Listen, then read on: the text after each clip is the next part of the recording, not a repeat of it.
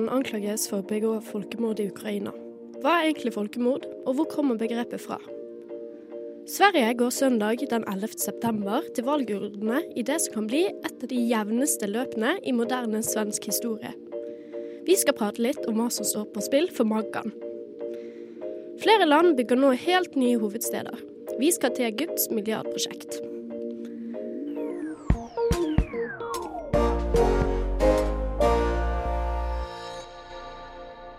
Og velkommen til Opplysningen 99,3 her på Radio Nova. Jeg heter Helena Skrøder og skal følge deg gjennom denne spennende timen. Og med meg her i studio har jeg fått besøk av min gode venn Benjamin Nordtømme. God morgen, hallo, hallo. God morgen. Har du hatt en fin eh, dag? en fin morgen? Ja, det vil jeg si. Jeg tror jeg har hatt en fin eh, Ja, det har jeg absolutt. En fin morgen. Ja. Litt eh, rask, fort og gæli frokost og litt kaffe, så er jeg i gang. Ja, ikke sant? Og da får du en utrolig fin eh, start på morgenen. Og det får alle dere som hører på Opplysningen 99,3 her med oss. Eh, ja, vi skal eh, ha en veldig fin time her med dere. Men eh, nå skal du få høre litt eh, god musikk. Her får du Alt som er enkelt av Evig ferie. What did I think when Maduro took power? Well, he's a clown. Finne et litt mer, litt mer nyansert språk der.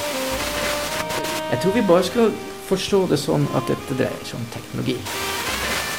Du hører på Radio Novas samfunns- og aktualitetsmagasin Opplysningen. Hver fredag fra 10 til 11 på Radio Nova.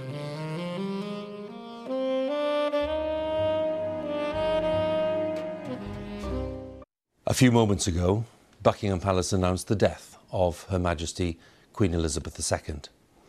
The palace has just issued uh, this statement. It says the Queen died peacefully at Balmoral this afternoon. Dronning Elisabeth 2.s tid som dronning strekker seg så langt tilbake i historien at de fleste knapt kan huske en annen monark ved den britiske tronen. En trone hun satt på i 70 år, som den lengstsittende monarken i britisk historie. Men at Elizabeth Alexandra Mary skulle bli dronning, var ikke selvsagt da han ble født 26. april 1926. Som prins Albert, hertugen av York sin førstefødte datter, var veien til tronen lang for dronning Elisabeth. Faren hennes var kong George 5.s andre sønn, og dermed var det hennes onkel Edward som var arving til tronen. Onkelen satt på tronen i under et år, før han frivillig abdiserte som et resultat av at den britiske offentligheten, regjeringen og den engelske kirken fordømte hans beslutning om å gifte seg med den skilte kvinnen Wallis Simpson. Dermed ble det hans bror som tiltrådde i rollen som king George 6., og dronning Elisabeth ble tilsynelatende tronarving. På dette tidspunktet i historien var verden rundt Elizabeth i endring.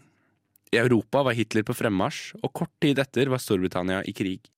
Under krigen oppholdt prinsesse Elizabeth seg mye på slottet Windsor utenfor London. Herfra holdt den unge Elisabeth radiotaler til det britiske folket, sammen med hennes yngre søster Margaret. But in the end, all will be. For God will care for us and give us victory and peace. And when peace comes, remember, it will be for us, the children of today, to make the world of tomorrow a better and happier place. Mot slutten av krigen tjenestegjorde Elisabeth i lottekorpset, et kvinnelig, ubevæpnet hjelpekorps i den britiske hæren. Her fikk hun opplæring både som mekaniker og sjåfør. Og ved krigens slutt, da dagen for seier i Europa ble markert i Storbritannia, tok Elisabeth og Margaret til gatene og tok del i folkefesten. Elizabeth møtte sin kommende mann, Philip Mountbatten, før krigens utbrudd i 1939. Og historien vil ha det til at det var kjærlighet ved første blikk. Men forholdet fikk ikke utvikle seg uten komplikasjoner. Det var flere, både i hoffet og i palasset, som var usikre på om han var den rette mannen for henne. De hadde svært forskjellig bakgrunn, og fem år skilte dem i alder. I tillegg til dette var det av skandalen rundt kong Edward og Wallis Simpson stilt mange spørsmål til monarkiet som institusjon. Fire måneder etter at de annonserte at de skulle gifte seg, var seremonien i gang. Bryllupet i seg selv var en stor affære med nesten 2000 gjester, deriblant flere konger og dronninger. En mottakelse på Buckingham Palace og en nesten tre meter høy bryllupskake. Seremonien ble direktesendt via BBC Radio og nådde ut til over 200 millioner mennesker. Hi, Elizabeth Alexandra Mary, Take thee, Philip, take thee, Philip, to my wedded husband, to my wedded husband, to have and to hold, to have and to hold, From this day forward, from this day forward. for better, for worse. Året etter bryllupet kom en arving til verden. Charles ble etterfulgt av Anne, født i 1950, og senere fikk de også de to sønnene Andrew og Edward. I februar 1952 døde kong George den sjette av lungekreft. På dette tidspunktet befant Elizabeth og Philip seg på en månedslang rundtur av samveldet. En samling av 54 nasjoner, hovedsakelig Storbritannia og deres tidligere britiske kolonier. Dronning Elisabeth 2. fikk beskjeden om at hun hadde blitt dronning idet hun befant seg i toppen av et afrikansk fikentre i Kenya. En klar parallell til dronning Elisabeth 1., som fikk beskjeden om at hun skulle bli den neste dronningen av England, mens hun satt under et eiketre. De var begge 25 da de tiltrådte som monark. Kroningsseremonien fant sted i Westminster Abbey i juni 1953, over ett år etter farens død. Dette var første gang seremonien ble sendt på fjernsyn og den nesten tre timer lange seremonien ble sett av 27 millioner briter, mens 11 millioner fulgte den på radio.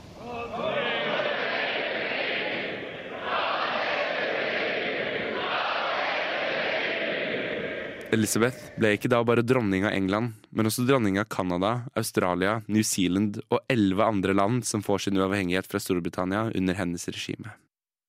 Hun blir også sjef for samveldelandene. Elizabeths kroning ble en krevende overgang for prins Philip. Han måtte legge karrieren som marineoffiser på hylla da hans kone overtok den britiske tronen. Men etter hvert som årene gikk, blomstret også forholdet. Elizabeth fikk ansvar for landet, mens Philip ledet familien. Han var en viktig støttespiller for henne bak kulissene, og forholdet deres ble sterkere enn det hadde vært i utgangspunktet. Hver uke møter monarken av Storbritannia landets statsminister. Dronning Elisabeth 2. har i løpet av sin tid som dronning hatt 15 statsministre å forholde seg til.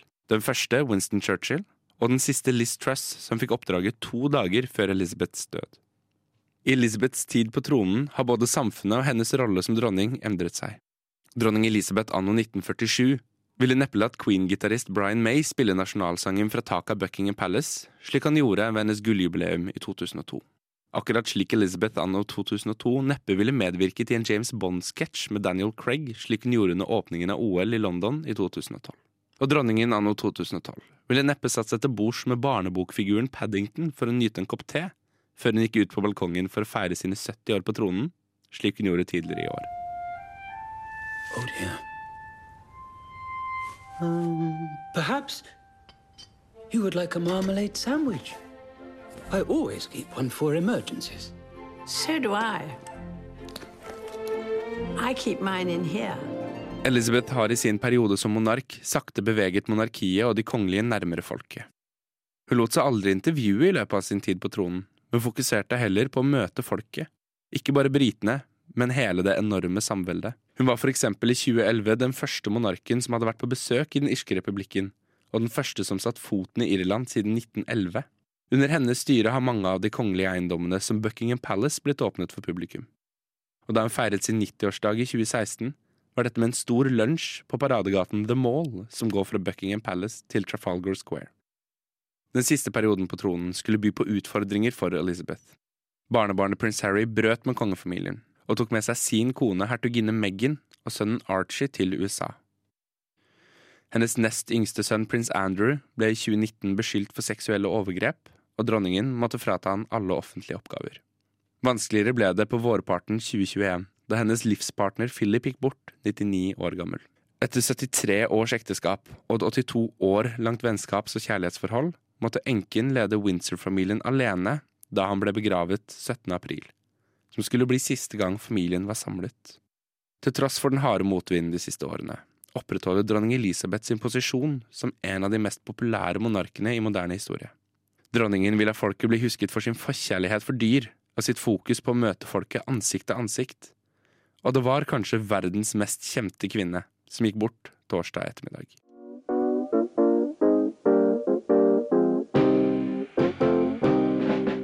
Hører på Radio Novas samfunns- og aktualitetsmagasin Opplysningen. Hver fredag fra klokken 10 til 11 på Radio Nova. Opplysningen på Radio Nova.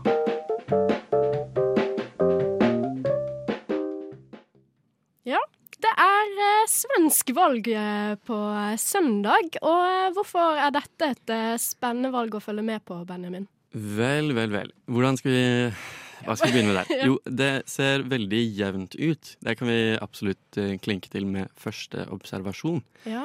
Still, altså, eh, jeg har foran meg det svenske eh, velgerbarometeret. Ja, ikke eh, sant? som publiseres dag for dag frem mot valget, som er offisielt på søndag.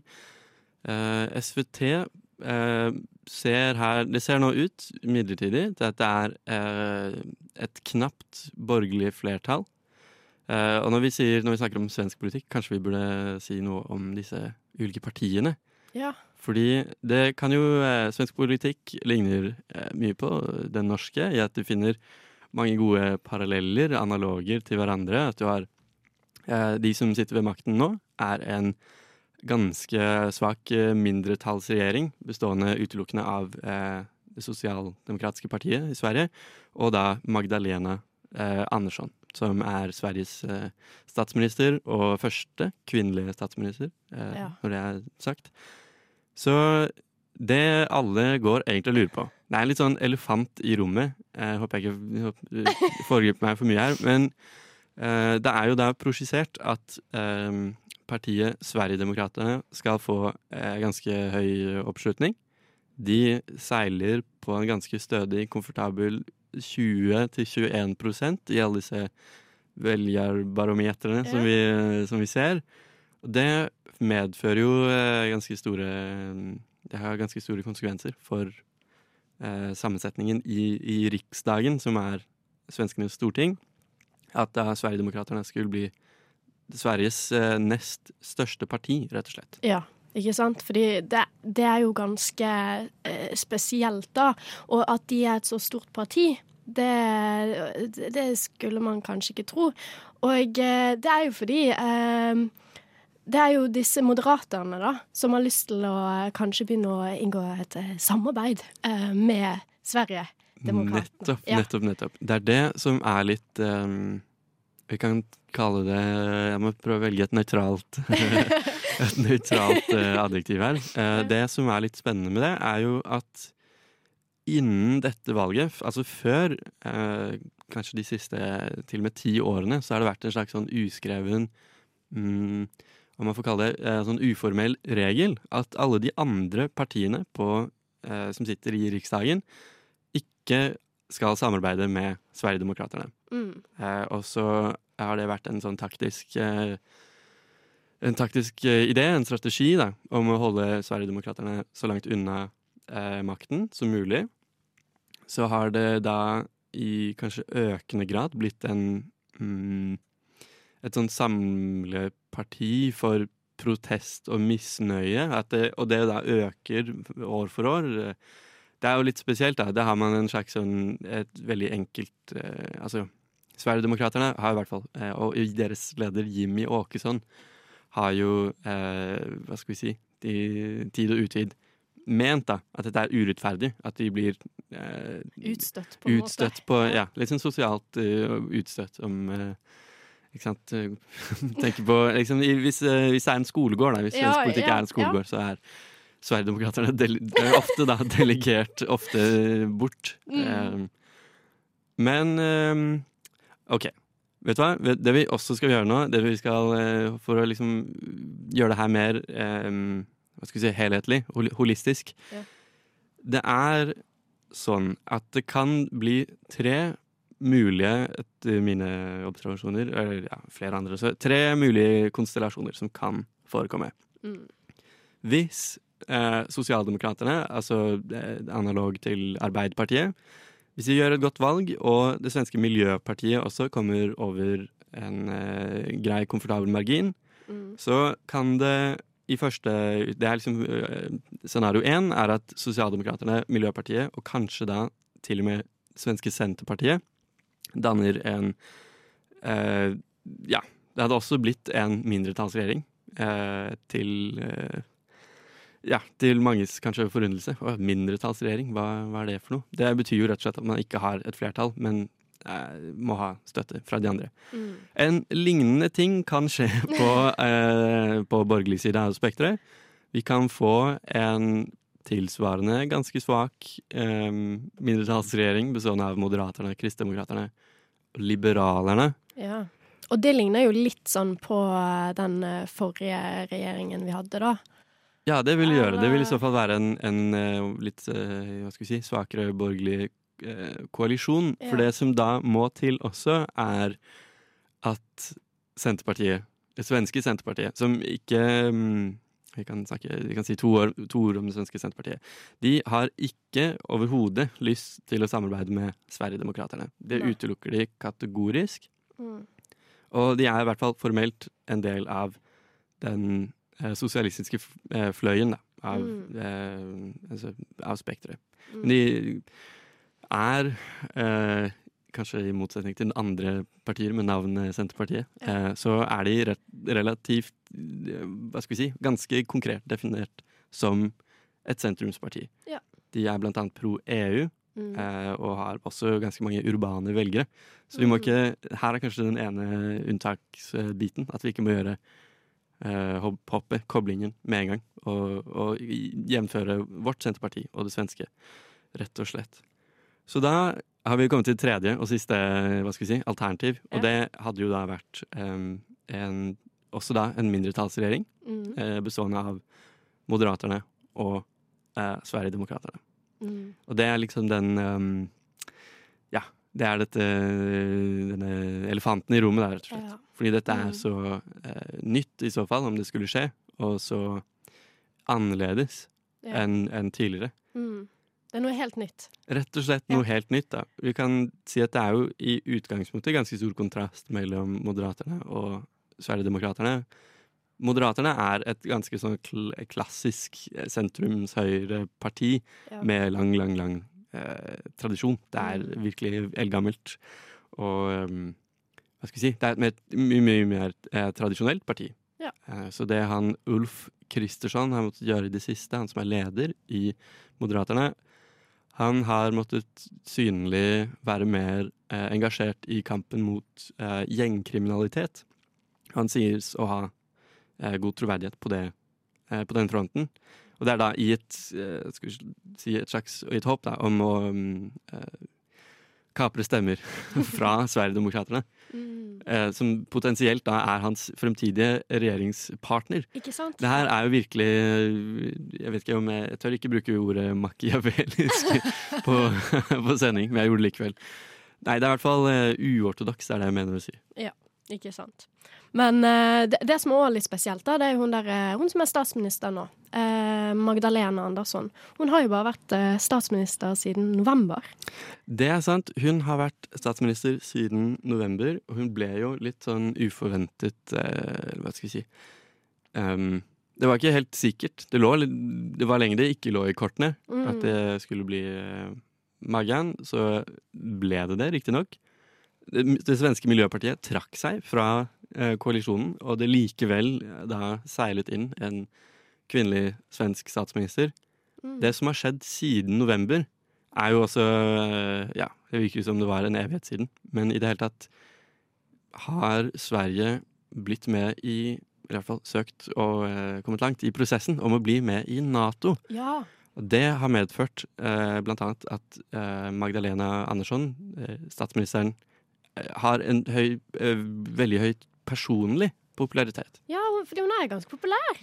Hun er et eh, Hva skal vi si? Et, eh, hun er blitt komfortabel i rollen kanskje også, og det er kanskje det svenske befolkningen ser også. Da, til tross for at hennes eget parti eh, kan gjøre et, liksom, et lite marginalt hopp da, på Mm. et lite hopp på meningsmålingene, så er det hun som er eh, Hun er rett og slett mer populær da, enn sitt eget eh, parti. Og det også er veldig spennende. Ja, ikke sant? Og eh, nå senere i sendingen så skal vi hoppe litt fra Sverige til eh, Egypt. Eh, men først så skal du få høre en sang her som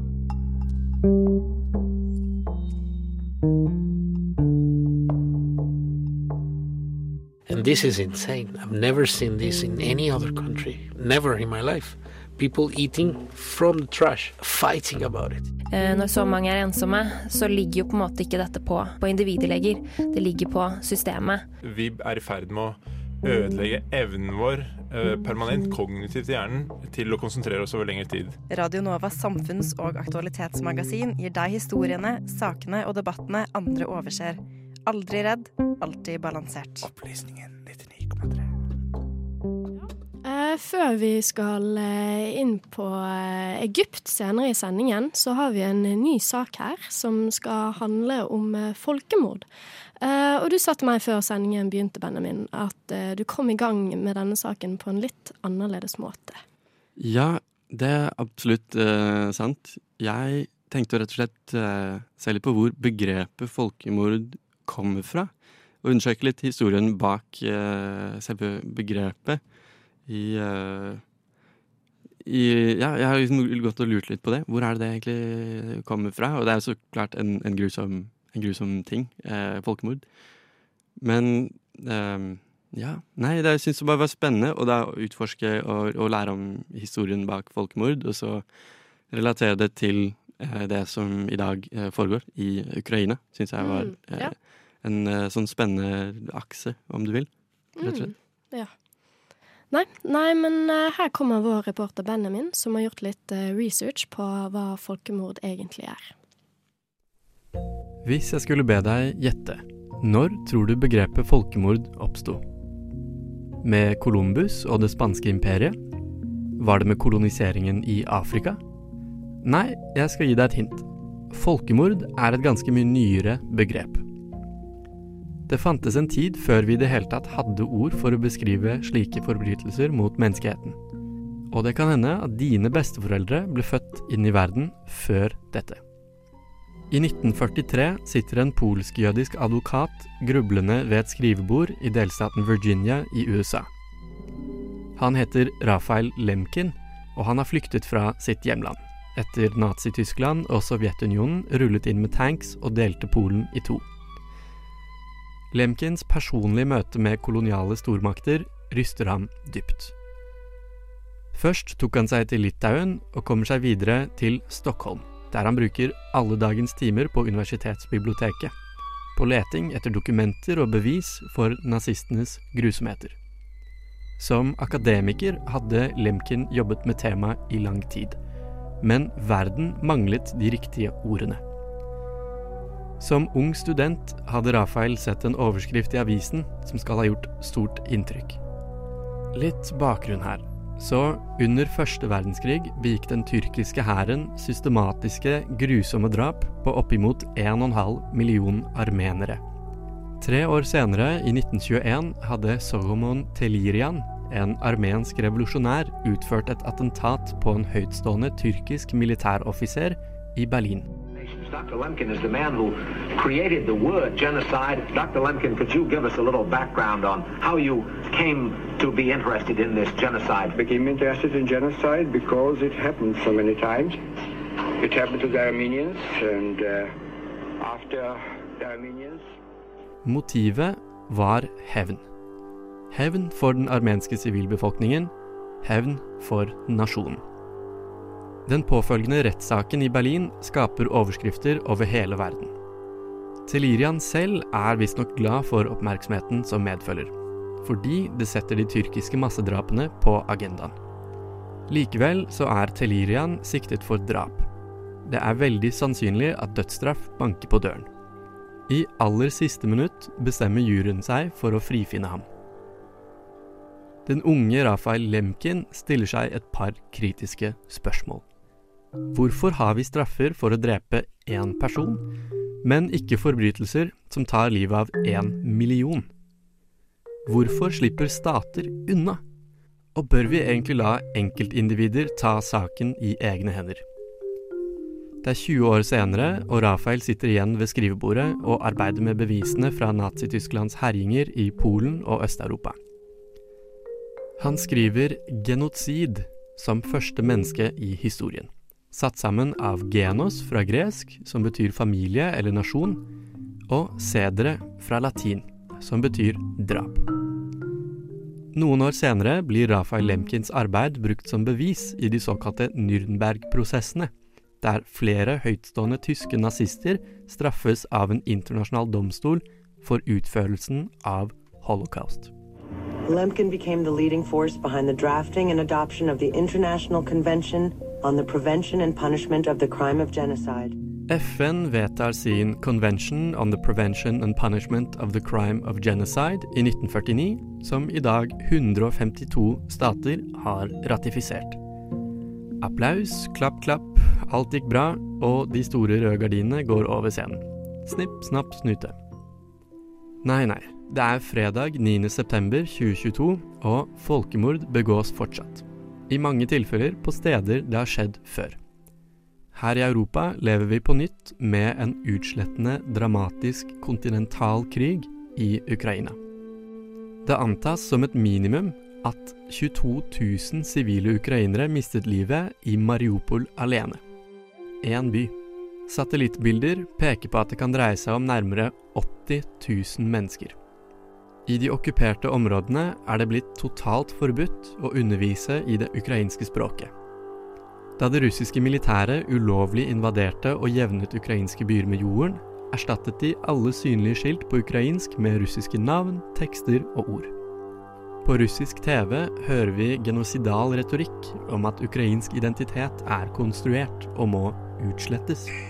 Ukrainsk er ikke gammelt egyptisk, forstår du? Hvorfor skal vi da знания языка? Говорятся такие тонны всякого, извините меня, дерьма. Hvorfor skal vi styrke et språk som bare dumper dritt på Russland? Artikkel 3 i folkemordskonvensjonen forbyr ikke bare folkemord, men også sammensvergelse, oppfordring, forsøk og medvirkning.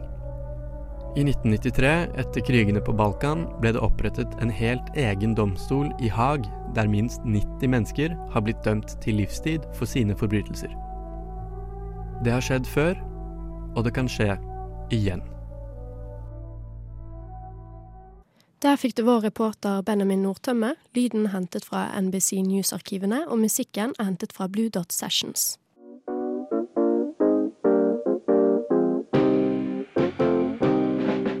Hører på Radio Novas samfunns- og aktualitetsmagasin Opplysningen. Hver fredag fra klokken 10 til 11 på Radio Nova. Opplysningen på Radio Nova.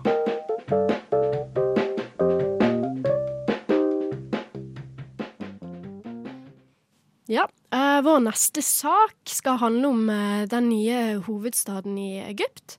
Og det, det er litt sånn spesielt det med at land skal lage nye hovedstader. Det, jeg føler det er ikke noe man egentlig tenker over eh, skjer så ofte, og skjer så mye av. Men eh, Benjamin, du eh, ja, hva skal du si nå? Nei, som en overhodet ikke en, en ekspert på dette fenomenet bygge nye hovedsteder, så uh, i hvert fall det- jeg har lyst å komme med, det jeg kan komme med, er jo eh, hvordan det ofte dre, altså, drives av en slags eh, ambisjon om å gjøre et eller annet med samfunnet. At det er en annen sånn stor Ja, fordi- visjon ja. bak ofte. hvorfor, hvorfor vil land eh, lage nye hovedstader? Det Det kan jo ofte kan si, eh, Da britene styrte India, Mhm. så gjorde de det for å bygge et nytt administrativt senter, som skulle være liksom eh, ja, det koloniale Indias nye hjerte. Eh, for eksempel, for å ta et, eh, et litt ekstremt et. Eh, et til litt ekstremt eh, eksempel, om, eh, om jeg får lov, er jo da under andre verdenskrig eh, Adolf Hitlers ideer om en ny tysk hovedstad. Den skulle ikke bare være den tyske hovedstaden, men den skulle hete Welthauptstadt Germania. Ja. Eh, som var virkelig en voldsom, voldsom sånn eh, planlagt eh, ny by. Som eh, ble tegnet av liksom eh, Nazi-Tysklands øverste, fremste arkitekt Albert Speer. Eh, og det var virkelig m- monumentale greier som ble vist fram, og eh, som da Hitler personlig skal ha liksom eh, vært med og styrt, da.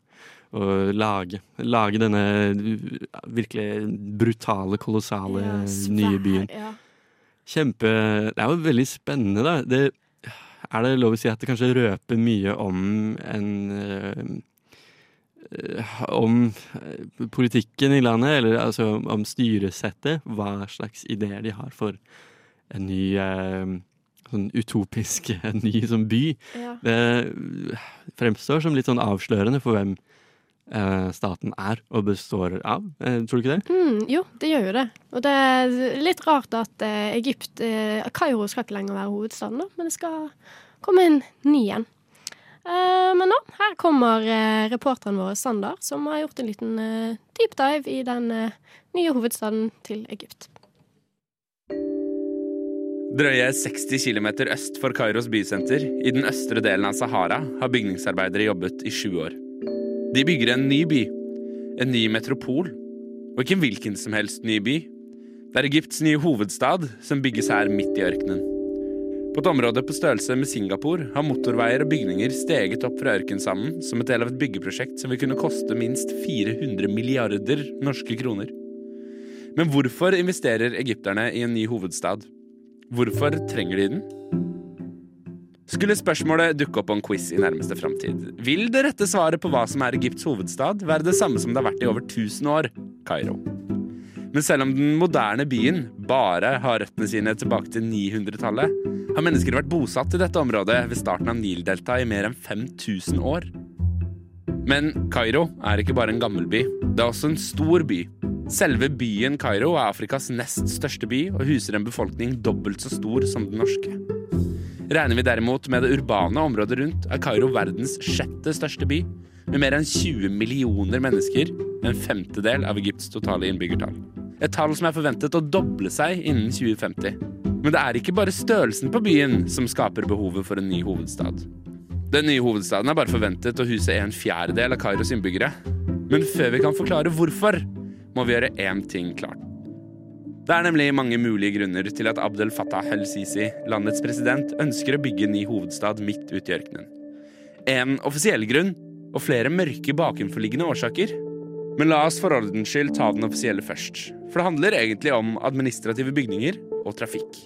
I Norge ligger majoriteten av departementene og andre viktige administrative bygg i Oslo sentrum. Og gåturen mellom Stortinget og regjeringskvartalet tar deg knappe fem minutter. I Egypt ser det hele litt annerledes ut. For det første ligger mange av departementene spredd rundt i byen. Og for det andre er byen preget av mye trafikk. Det er faktisk Afrikas mest trafikkerte by, og en tur mellom departementene kan ta dobbelt så lang tid dersom dette gjøres i rushtiden. Dette er noe El-Sisi ønsker å forbedre i den nye byen. En ny by bestående av 26 adskilte distrikter eller bydeler knyttet sammen gjennom motorvei og offentlig transport. Noe som vil skille byen fra den nåværende tettbygde hovedstaden. Blant disse finner vi et administrativt distrikt der alle departementene ligger i gåavstand til hverandre. Og Der finner vi også Senatet, parlamentet og andre sentrale bygg, som sentralbanken og hovedkontoret til Posten. Dette området vil også huse El-Sisis hjem, presidentpalasset, samt en stor paradeplass der verdens største flaggstang vil finne sitt hjem. Og verdens største er et viktig nøkkelord i den nye egyptiske hovedstaden. Forsvarsdepartementet får sitt eget område i den nye byen, omtalt som Oktogonen, som ved fullførelsen vil strekke seg over 89 kvadratkilometer, og dermed fremgå Pentagon som både verdens største forsvarskompleks og verdens største kontorkompleks. I områdene rundt oktogonen er både skoler, boliger, kjøpesentre og hoteller planlagt. Og sådan vil dette fungere som en by innenfor byen. Men denne nye hovedstaden skal ikke bare huse departementer, regjering og forsvar, men også vanlige folk og deres behover.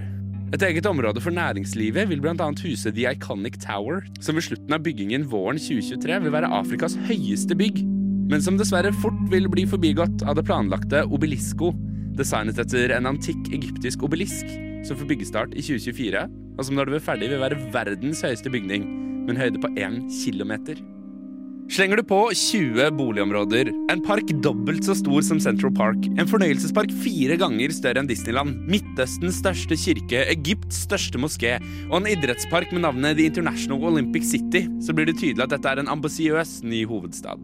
En hovedstad som splitter egypterne. Der en del av befolkningen ser på dette som et positivt prosjekt som vil dempe trafikken i Kairo og Sentral-Egypt og gi mange nye arbeidsplasser som vil forbedre landets økonomi. Mens den andre delen stiller seg spørsmålet men hvordan skal vi få råd til alt dette? Og økonomien den bringer oss videre til den mørke baksiden av medaljen. Byggingen av hovedstaden, som for øvrig enda ikke er navngitt og omtales som New Administrative Capital, er ledet av selskapet Administrative Capital for Urban Development, et selskap der militæret sitter med 51 av eierskapet, mens Boligdepartementet sitter med de resterende 49. Og dette belyser den kanskje ikke fullt så positive delen av prosjektet. Den tette sammenhengen mellom militæret og El-Sisi, en tidligere general som seilte til makten etter et kupp gjennomført av militæret. For militæret betaler ikke bare for dette prosjektet, men de vil også tjene penger på det gjennom leieinntekter fra boliger, kontorer og hoteller. Samtidig vil byen være svært utilgjengelig for de aller fleste, med boligpriser på 50 000 dollar i et land der brutto nasjonalprodukt per capita kun er 3000 dollar. Og for å gjøre det mørke bekmørkt vil det nye administrative distriktet være utstyrt med høyteknologisk sikkerhetsutstyr. Dette vil forhindre store protester fra de sivile, slik vi så i 2011, da Tahrir-plassen, sentralt plassert mellom mange av de sentrale departementene, ble samlingspunktet for demonstranter som krevde tidligere president Hosni Mubaraks avgang. Tahrir-plassen har lenge vært et symbol på lederskapet i Egypt. Som Al Jazeera sier, har du Tahrir-plassen, har du Egypt. Dette ble igjen bevist da Mohammed al-Mursi, Egypts første demokratiske president, som ble styrtet av kuppet i 2014, stilte opp på plassen og tok av seg dressjakka for å vise at han ikke hadde på en skuddsikker vest. Han var en del av folket, og han hadde Tahrir-plassen. Etter at al-Sisi tok makten, har Tahrir-plassen vært stengt for de sivile. Og den nye hovedstaden har ingen Tahrir-plass. Folket kan, med andre ord, ikke lenger ta Tahrir-plassen. Og dermed ikke lenger ta Egypt. Eh, vår reporter Sander Zakaria, og musikken var hentet fra Blue Dot Sessions. Og så er også Radio Nova her for å gjøre opptak til sendingene sine. Opplysningen. Vi er der det skjer.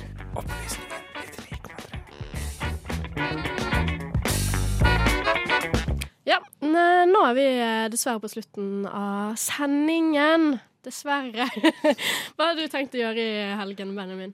Ja, si det. Eh, det er mulig jeg skal eh, eh, dra og buldre. Buldre? Gleder meg litt til det. Eh, Du må forklare hva er bul buldre Eh, buldring er. buldring for de uinitierte, er det man sier? U, ja. Det er jo da klatring med altså eh, Ikke sånn dramatisk stor, stor, stor klatrevegg, men da uten sikring. En sånn, Oi. sånn lav, ja, ganske lav risiko Lite risiko, rett og slett. Er lite risiko. Ja. Mm.